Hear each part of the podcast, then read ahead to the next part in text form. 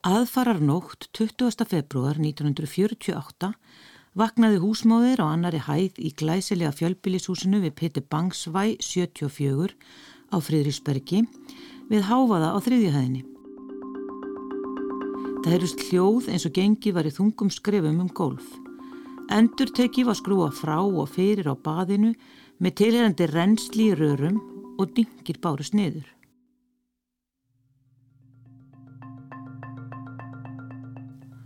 Konan hugsaði með sér að það væri undarlegt að hjónin á efrihæðinni var að flytja til húsgögnin og baða sig eftir miðnætti. Yfirleitt heyrðist ekkit í þeim nema kannski örlitill glasa, glaumur og kliður þegar þau heldu bóð. Fljótlega sopnáðum þó aftur.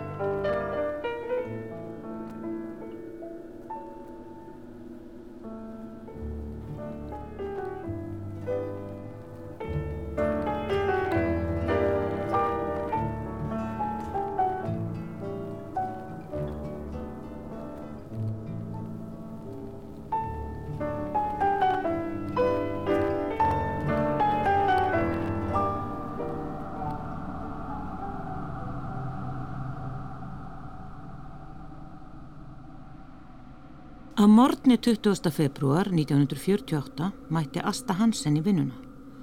Hún var húsjálp hjá hjónunum Inger Margrethe og Vilhelm Jakobsen sem bygg á þriðju hæð á Petur Bangsvæð 74 á Fridriksbergi.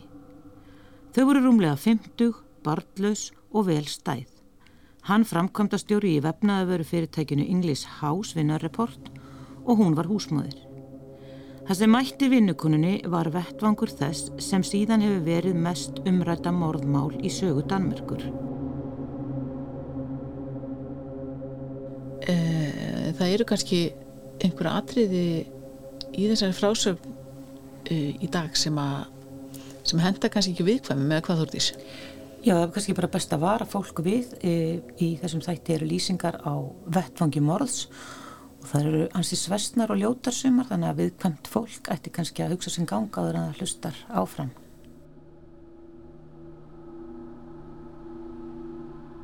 Inn í íbúðinni lágu hjónin illa út leikin. Þau höfðu verið myrt með hróttalegum aðferðum, andlitin voru sundur barinn og skorinn og ímislegt í íbúðinni gaf til kynna að þarna hefði farið fram einhvers konar fornaratöfn. Yfir líkin voru lagðir göngustafir og undir karlinum voru blóm. Fljótlega kom í ljós að þessi morð yrðu þau mest umtöluðu í Danmörku eftir strísáruna. Þau hafa síðan, þó að liðin séu yfir 70 ár, valdið fólki heilabrótum og orðið rittöfundum og kvikmyndagerðarmönnum innblástur. Um þau hafa verið gerðir sjónvarpsþættir, útvarpsþættir og skrifaðar bækur og í gærla seg að í november næstkomandi komi út enn einn bókin þar sem fjallaður um morðin á Peti Bangsvæ. Í hverju einustu bók og hverjum einasta þætti koma fram nýjar kenningar um ástöður morðana. Og það er til mjög virk Facebook síða í umsjón Dansk Sagfræðings þar sem morðin á Peti Bangsvæ eru stöðugt rivjuð upp og rætt og þar kemur nafn Guðnýjar Ejólfsdóttur Vestfjörð oft upp.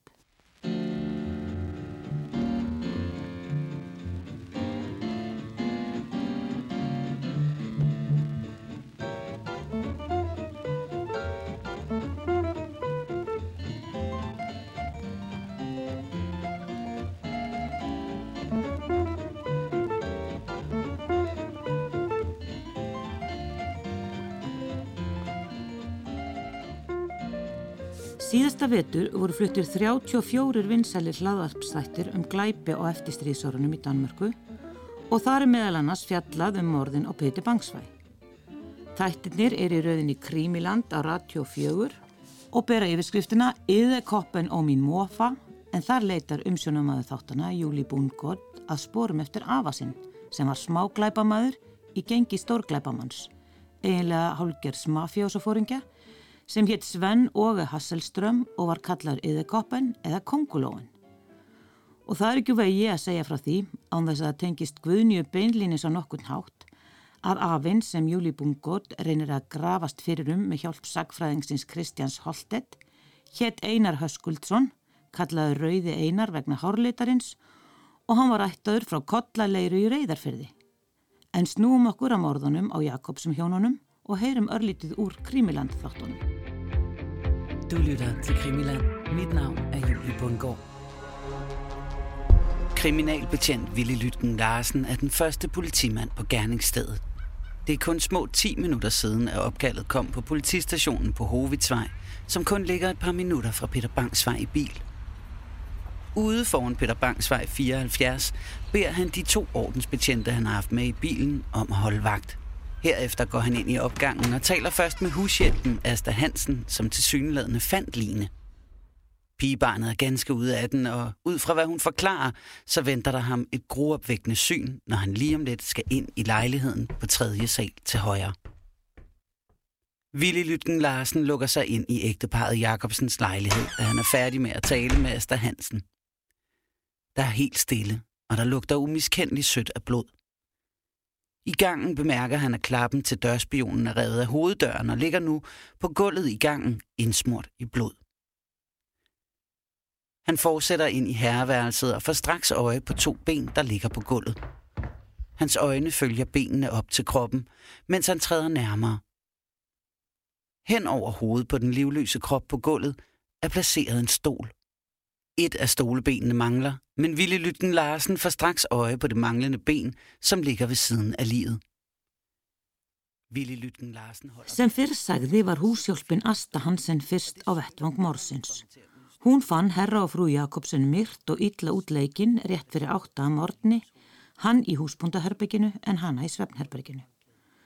Húsjálpin vissi ekki nema morðingin var enn á staðnum. Hún hljóf út og bankaði hjá nágrunum, ringt var í laurugluna og klukkan átta átjón mætti lauruglu þjóttnin Lutken Larsen og sá augljóslega var um að reða tvefalt morð.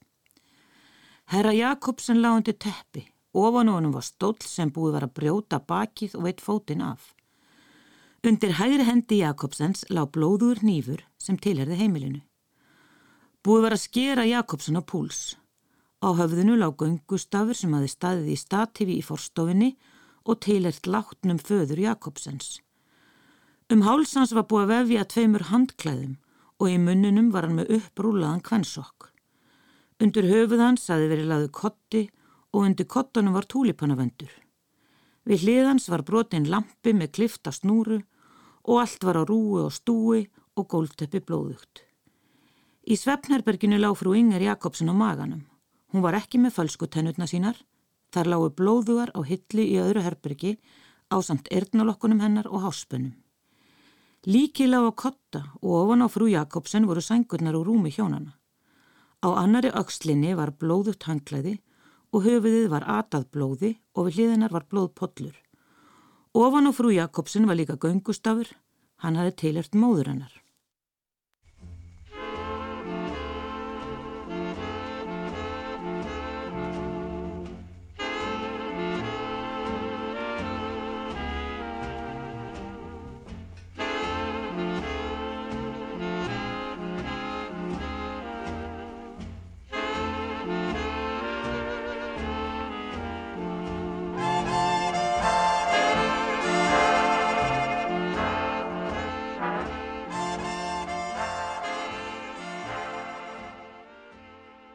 Í herbergjónum þar sem líkin lágu var búið að draga glukkatjöldin fyrir og skera á rámasleðslur.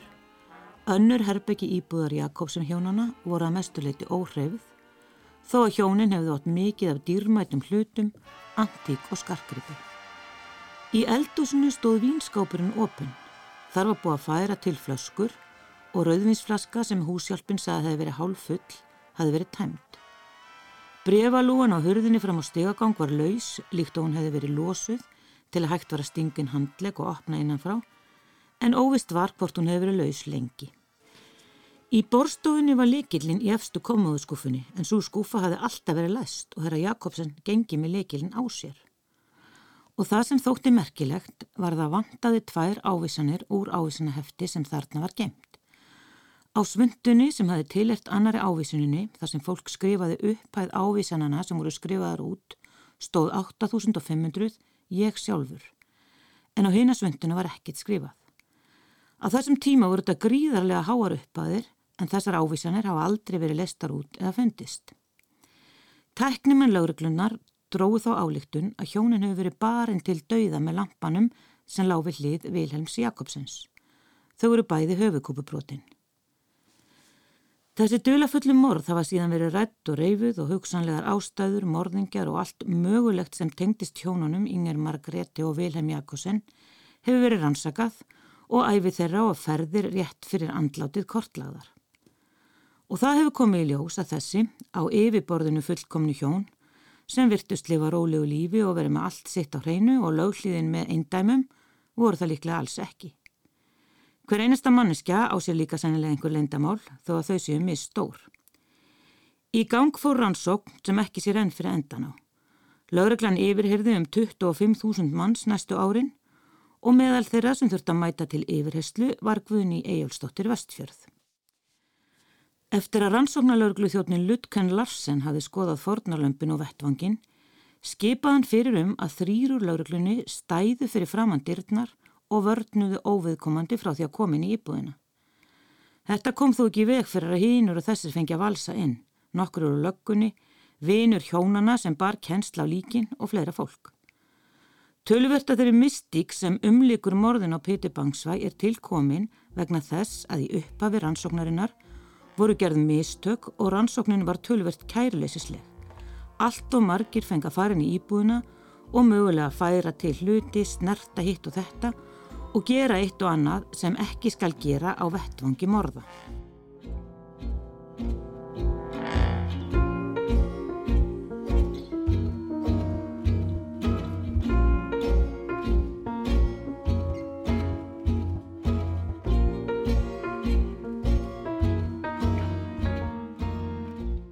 Líf Jakobsen hjónana virtist í uppafi eins og glansmynd.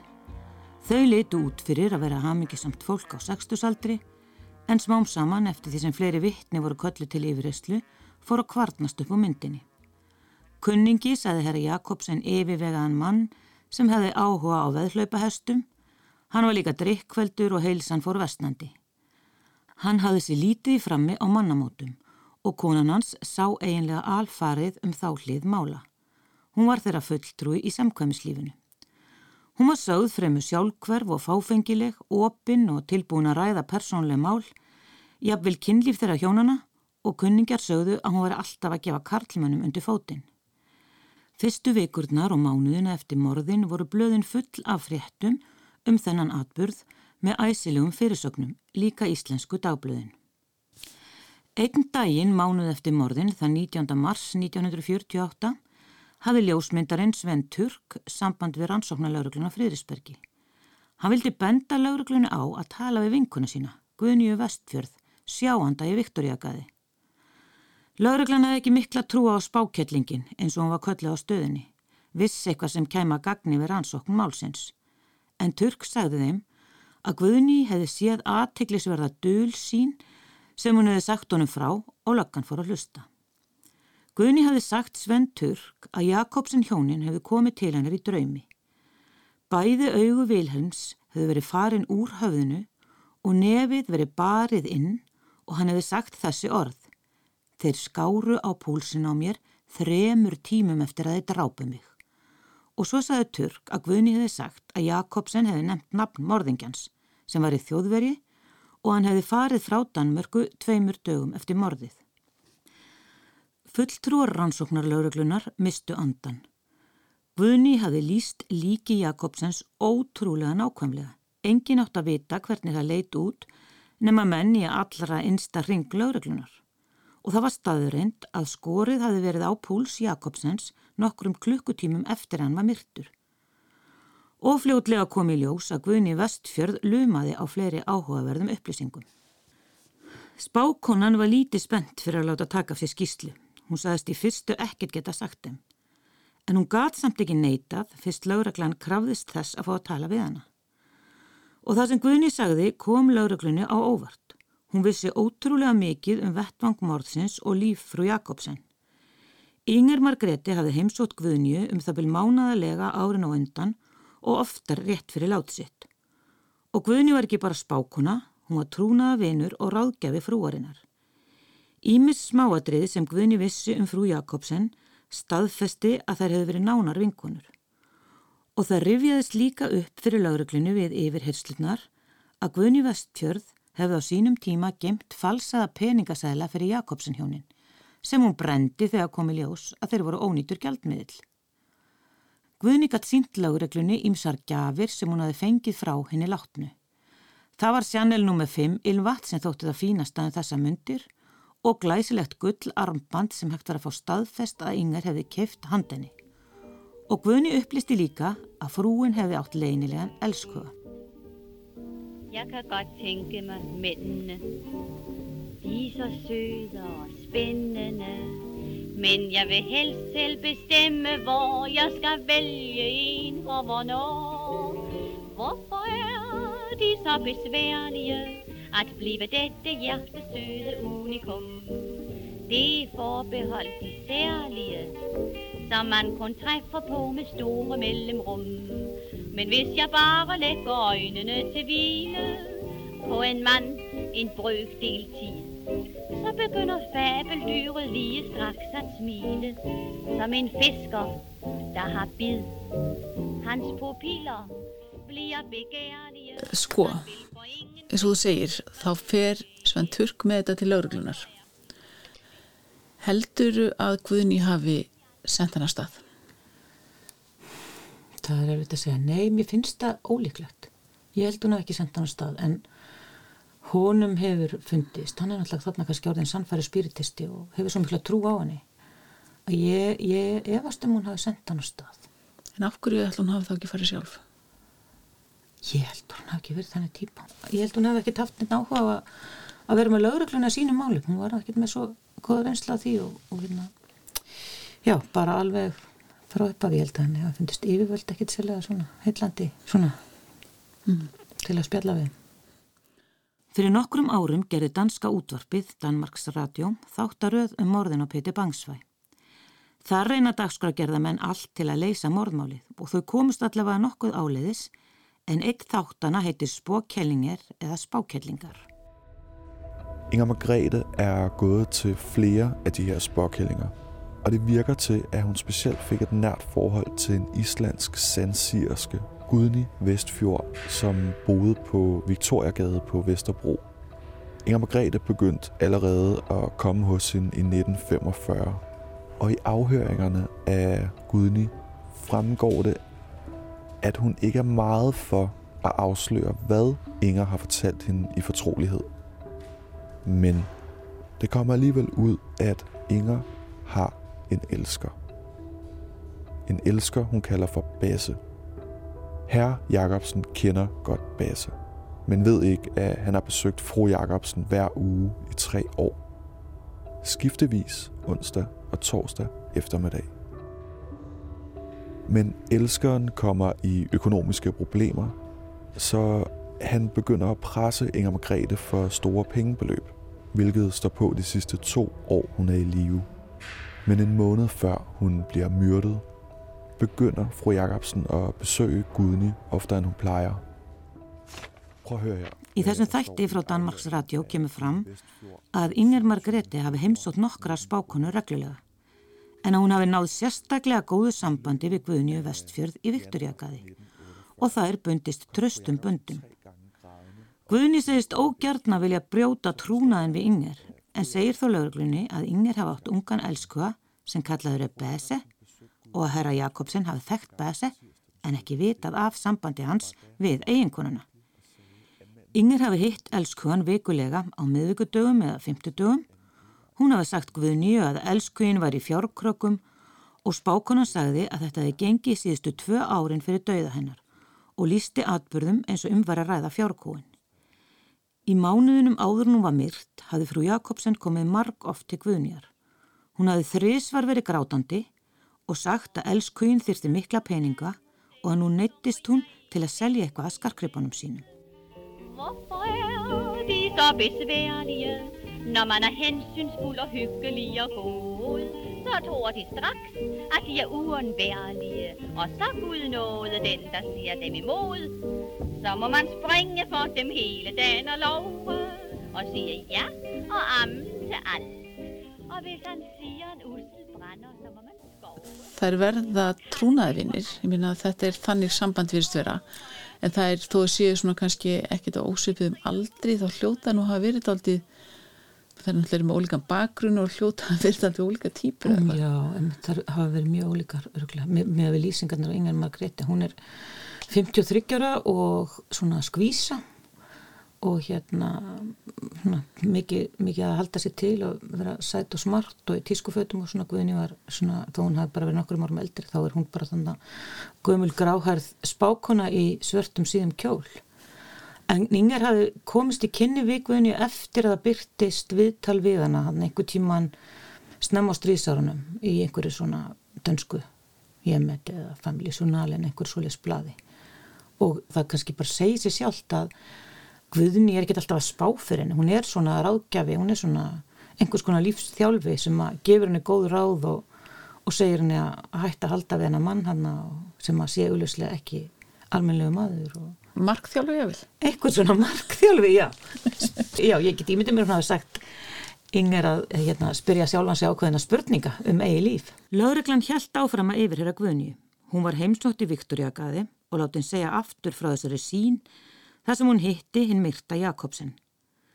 Þá kom í ljós að sínina hafði hún séð nóttina áður en hún var kölluð yfir til ónemdrar grannkonu í Ísteggaði Konan svo, sem átti dóttur sem var listamaður sem starfaði skemmtigarðunum dýrihafsbakken, var miður sín yfir því að lauröklan væri á eftir tengda sínu sínum, sem hefði yfirgefið eiginkonu og són og flúið til útlanda 21. februar, tveimur dögum eftir morðin. Lauröklan fann strax út hvaða grannkona í Ístegaði ætti dóttur sem var tónlistakona á bakkanum og hver tengda svonurum væri, og merkilegt nokk, Nafn hans hafi áður komið upp í einhverjum yfirheyslum vegna morðana. Þessi tengdasónur var í tengslum við undirheimana og hafi fengið nokkra dóma fyrir smáklæpi. Í Danmörku var á þessum árum gríðarlegt svartamarkaðsbrask og smikl og fjölmarkistunduðu fjársvik og svindl. Maðurinn var yfirherður þegar hann kom tilbaka úr utanlandsferðinni. Hann sagði einhverja ótrúlega sögu og laug augljóslega en lögreglan hafði samt alls ekki nóg á hann til að hann mætti handtaka. En skömm eftir þessa yfirhyslu yfir tengda sinni grannkonu Guðnjar ringdi myndasmiðurinn Sventurk enn og aftur í lögregluna. Nú sagðan að veri verið að hóta því að koma Guðnju fyrir kattanef. Tveir menn hefði ringt heim til hana mörgum sinnum, annar með virðulega rött en hinn rámur, en báðir hefði endur tekið þessi orð. Ef þú segir lögreglunu meira þá drepum við þig. Skömmu síðar urðu svo atbyrðinir enn dramatískari. Eitt kvöldið, þegar Guðni var ein heima, bönguðu tveir ókunnir karlar upp á. Þegar hún opnaði, reyndu þeirra að tróðast inn. En okkar kona var snögg til. Hún sagðist það var snúið á mennina með því að láta eins og hún væri ekki ein heima. Guðni leit við og kallaði eitthvað á þessa leið inn í íbúðina. Strákar, það er einhverju menn hérna frammi, ég þið vona á einhverjum. Þetta bragð virkaði Mennirni snýrust á hæli og stukku aftunuðu stegan.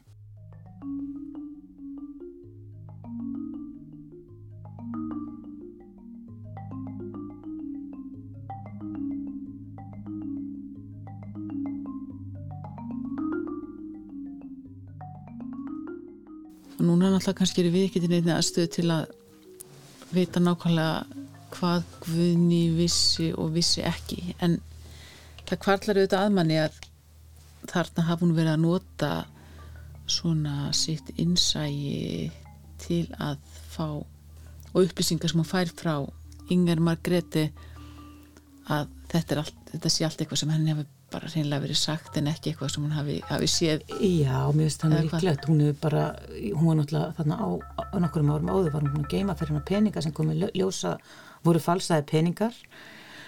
Það er bara ímislegt að það sem hún veit um þessa konu og, og það er alveg þess eðlis að hún allavega veit hún er í einhverju klandri. En hins vegar sagði mér, sagfræðingur, sem að skrifaði mér því ég spurði hann um þetta, sem að hefur lesi, fengið að lesa yfirherslunar að það verðist eins og Guðni eftir þessar hótanir hafi hérna, hún hafi tekið eitthvað til sig því hún breytti frambrið sínum oftar en einu svona oftar en tvísvar hún var eitthvað hérna tvísa í einhverju málum sko.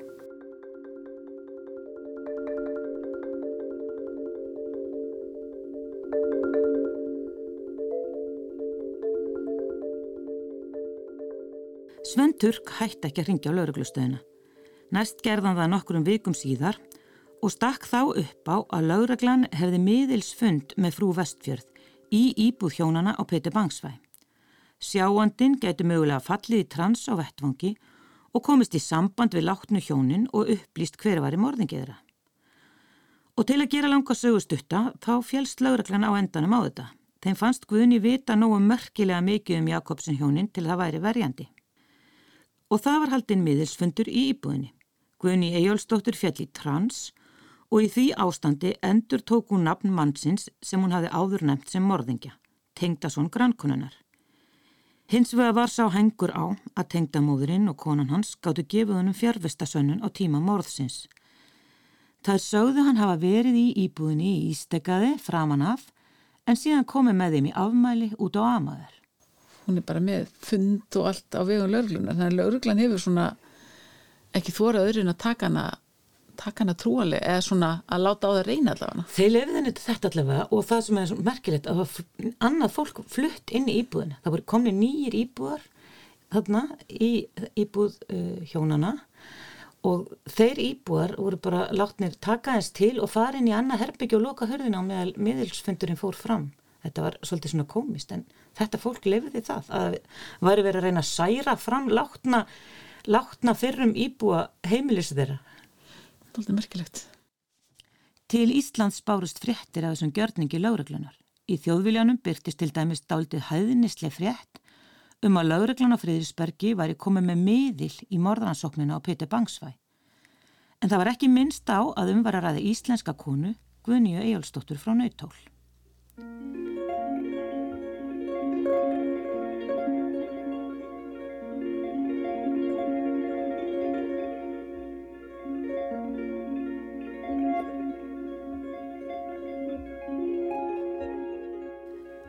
Nú fer að líða því að við segjum skilið við morðin á Pétur Bangsvæ. Ég hef lesið ímsar kenningar um hver hafi verið ástæða morðana og hver hafi drepi hjónin. Herra Jakobsen var greinilega með fingurna á kafi í ólöglegri starfsemi og ímiskonar ævintýra mennsku. Hann hafi haft undir höndum fölsuð ennskpund, fjárfest í ferðum kavara sem reynda kaf eftir gulli í soknum þýskum skipum og hann var með tvöfalt bókald, annað fekk skatturinn að sjá en ekki hitt. Þau sem gerðu í vetur Krímiland þættina sem minnst var á hér áðan eru á samt fleirum með ákveðna kenningar um að innbrottstjóður hafi farið inn í íbúðun til að stela pappirum en að innbrottið hafi farið úr böndunum og hjónin hafi í kjölfari verið myrt og morðingin og vitorsmenn reynda að láta vettvangin líta undarlega út til að afvega leiða laurugluna. Og Guðni vissi greinlega sínu viti. Nafn morðingjas er nefnt og því er haldið fram að Jakobsen hafi verið tengiliður vegna vopnasölu til Palestínu.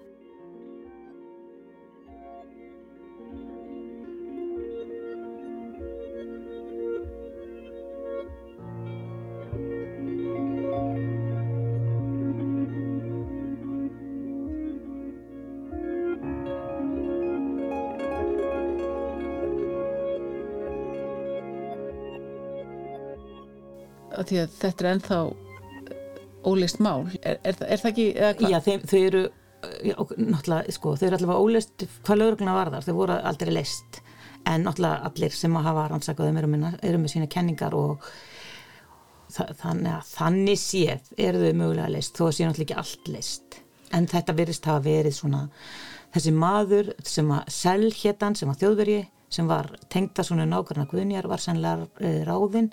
Hann var einhver svona krimmi sem var ráðinn til að brjótast inn og stela einhverjum pappirum. Og þetta hefur farið svona algjörlu böndunum og andanum kallandi tvo aðstofamenn og, og þetta tengdist alls konar öðrum málum og, og hérna. Það var ekki, ekki hann sem að, hérna, hann var bara ráðinn í að brjótast þarna inn en þetta fer einhvern veginn allt öðru sem dátt að fara að hann hafi þá eitthvað verið tengdur inn í Hann var tengdur inn í svona einhverja undirheima, einhverja smiklara. Jakobsen, já. Já, og sko Jakobsen er með þetta fyrirtæki, það er framkvæmtastjóri, framkvæmtastjóri fyrirtæki sem að, eh, er í eigu annars mann sem að mögulega tengdist líka eitthvað undirheimum og þetta var, er bara rosalega flókin vefur. En það er aldrei frumlega að láta þetta líta út sem eitthvað svona eitthvað svona fórn hvað maður á að kalla uppsetningun á þessu sko, það er alls konar kenningar um þetta. Meðal annars segir hérna, einn afbrotafræðingur heldur því fra- fram að uh, sá sem drafið hafi þekkt þau því það er þekkt að ef þú drepur eitthvað sem þér er nákominn þá er mjög líklegt að þú breyður hann á hann sæng og setur kotta undir honum sem að uh, einhverjir leigumorðingar ger ekki. Þannig að það er alls konar hugmyndir í gangi með þetta. Maður leggja ekki blóm undir höfuðið á einhverjum sem maður þekkir ekki sem maður er bara ráðan til að drepa en maður er harsfyrir að gleipa með þur. Já, ok. Þannig að það er ímstætt í þessu. Það er margt í þessu. Hún kemur við sögu í þessu máli bara í mörg ára þegar. Hún er síðast yfirherð eða tekin á henni skýrsla 1960 þannig að þetta eru 12 ár. Þessi skjöl eru stimplu sem trúnaðum á ennþá þau verður nú opnuð einhvern veginn á næstu árum en þetta eru, ég held að þetta sé einhverja þrjára möppur sem eru mertar spókjælinginni og hún á hún á mest af þessu þar. Og sko nú ert þú búin að vera að grúska í það æfinar Guðnjar. Þú hefur líka komist í samband við, erum við ekki að tala um fleirin einn Facebook-kóp með þúsundum mann sem að er að fylgjast ennþá með þessum málum. Ég meina þetta er ennþá bara mikið fjalla um þessi mál í Danmarku. Satt? Jú, það er sérstaklega, sko það er alveg nokkrir hópar, það er náttúrulega spiritistar og svo er einhver svona hópur einhverja sagfræðinga eða sagfræði áhuga manna með, með hérna Facebook-hóp og það bara í vetur skipti Facebook-hópurinn um nafn af því það komi fram nýjar upplýsingar um þetta morð. Fyrst hétt þetta uh, doppel múret, hérna tvöfaldamorðið en svo fór þetta heita tvö, hérna, tvöfaldadrápið nú er farið að tengja þetta morð við eh, annað tvöfalt morð sem var í Kugubúkt sent sama ár, 48 og þetta verðist allt tengjast smikli og einhverjum svona undirheimum og, og hérna einhverjum, einhverjum svona svartamarkaspraski. Og það verðist vera hitt morðið þannig í Kugubúkt þar sem mann var hent fyrir borð á skipi eða skotnir að það tengist þessu. Þannig núna heitir Facebook-hópurinn morðin í, á Peti Bangsvöðu í Kugubúkt. En við leysum þetta mál líklegast ekki hér í dag eins töff og það nú er í.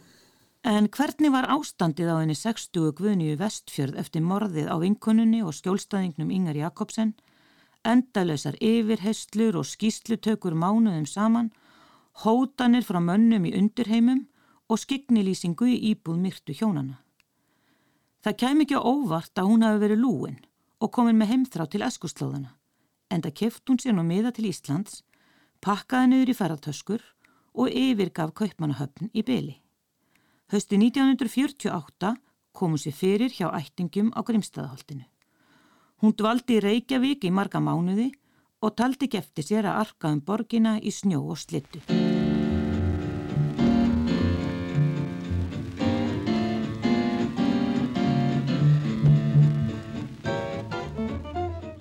Hösti 1948 byrtist frétt í íslenskur blaði sem var svohljóðandi. Hinga til bæjarins er komin frú Guðni Vestfjörð sem dvalið hefur erlendis í 41 ár. Hún er miðill að hafa fengist við rannsóknir á svonundu ósýnilegu afli þar sem húsgögn eru flutt úr stað án þess að þau séu sjáanlega snert. Mönnum er lift eða sviftir fötum á sínilegan hátt. Hefur verið tekið kvikmynd af þessum fyrirbærum, svo einasta sem tekin hefur verið í heiminum og hefur frú Guðni hana meðferðis. Allar frúin að halda hér fyrirlestra og sína kvikmynd þessa í Trípoli í næstu viku. Í Danmörku hefur frú Guðni Vestfjörð notið aðstöðar vísindamanna við tilraunir sínar.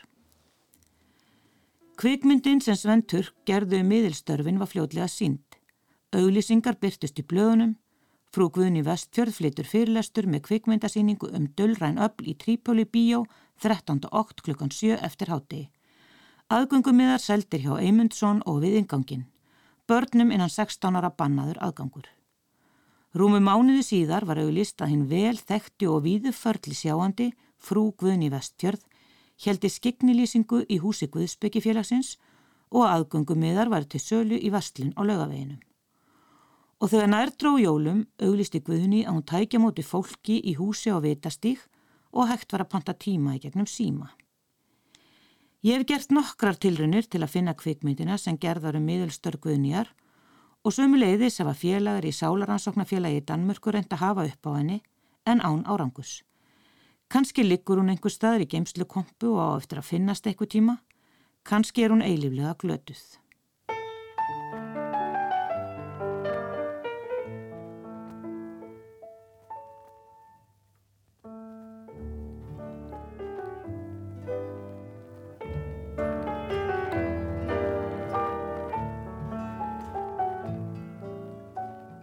Það er bara eitt þáttur eftir. Sest ekki bara Guðni í Helgan Stein eða, eða hvað? Guðni er náttúrulega komin á sjötusaldur þarna en hún uh, uh, settist alls ekki helganstein hún hjælt sínu striki alveg fram í rauðan döðan og uh, hún var jafnvel komin uh, yfir móðun á miklu þegar erlendu bankareikningur í hennan nafni dúkað upp